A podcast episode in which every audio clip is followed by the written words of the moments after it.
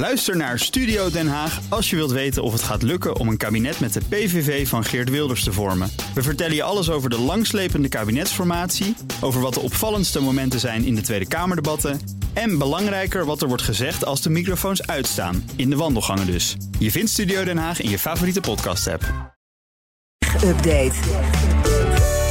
Met Joe van Buurik. Goedemorgen, Joe. Hey, Ivan.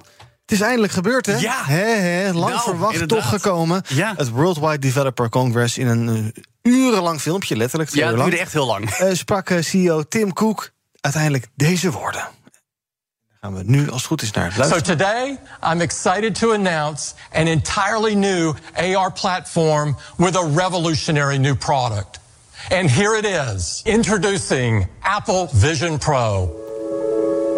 Ja, ik denk dat Bas gelijk wel even naar de Apple Store gerend was... om te kijken of hij die slimme bril al kon bemachtigen. Voor 3499 dollar. Ja, Hallo, en het wordt dus En altijd ook bij wel euro Apple, waarschijnlijk. Ja, het wordt altijd bij Apple wel. omgezet in euro's. Ja, die hebben Ja, valuta-risico's hebben ze niet daar. Maar eindelijk de Apple Vision Pro. Na al die geruchten. Je kijkt er helemaal blij bij, Ja, nou, maar het was ook echt best wel indrukwekkend, vond ik. Eigenlijk die high-tech skibril van glas en aluminium... die we in de afgelopen maanden eigenlijk in de geruchtenmolen al hoorden. Twee kleine schermpjes met een zeer hoge resolutie. 23 miljoen pixels bij elkaar. 12 camera's, 5 sensors, 6 microfoons, twee chips... Apples eigen M2 en een gloednieuwe R1-chip... voor de verwerking van al die inputs.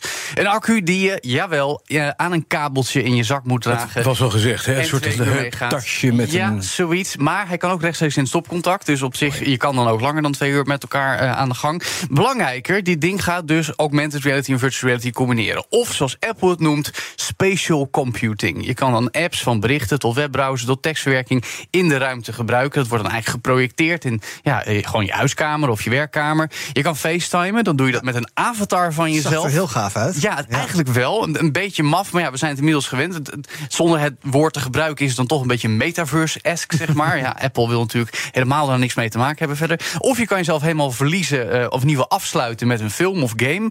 Met een kroonwieltje kun je dan de mate van realiteit wegdraaien of juist terugdraaien. Oh, dan zie je dus eigenlijk gewoon James Bond door je eigen huiskamer lopen als je wil. Wel, ja, En ook je vrouw, als die opeens bij jou in de buurt komt. Want eh, ondertussen zijn jouw ogen voor anderen wel te zien als jij dat wil. Die worden dan op het scherm aan de buitenkant geprojecteerd eigenlijk. Tenzij je zegt nee, ik wil even helemaal weg. En dan wordt het gewoon een soort waas, zeg maar. Ik vond dat wel een beetje Black Mirror dystopisch Dystopisch, ja, echt wel, zeker wel. Ja. Dus, maar goed, het, je bedient het dus met je ogen door gewoon te kijken, met je stem en vooral ook met je vingers. Je kan gewoon dingetjes doen in de en- lucht, hè? Precies, en de grap is, dat kan eigenlijk ook al met de Meta Quest VR-bril. Die maar 500 dollar kost. Ja, die maar die is veel 500 goedkoper. dollar Nee, dat kost. klopt. Maar dat is een discussie op zich. Eh, want ja, eh, hoe gaat het nou precies werken? Dat is nog een beetje de vraag.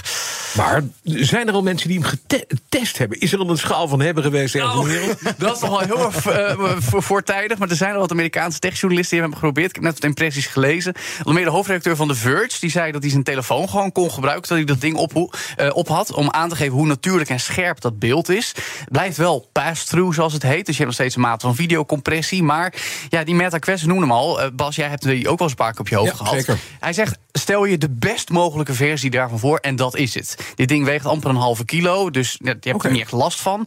Zei wel, ja, ik, ik kreeg een beetje een gevoel van eenzaamheid erbij. Je sluit je toch af van de wereld. Ook kun je er doorheen kijken en gezien worden. Ja. Eh, maar dat is dus toch een beetje de prijs voor het gebruik daarvan. En dan hangt het vooral af van de toepassingen die gaan komen. Nou, daarvan zegt hij van, het is allemaal leuk, maar echt het grote moet nog komen. Wel ook een grote klapper is een nieuwe samenwerking die Apple met Disney aankondigde gisteravond. Nou, die grootmachten stonden altijd al dicht bij elkaar, gezien de relatie met Steve Jobs, die natuurlijk een belangrijke vinger in de pap had met Pixar. voordat naar Iger op het ging. podium. Bob Iger op het Ja. podium was wel een beetje van, nou, eh, het- we zijn weer terug in twee- 2002. Maar goed, eh, we moeten nog even geduld hebben tot die Vision Pro er is. Begin 2024 pas verkrijgbaar in de VS, daarna de rest van de wereld.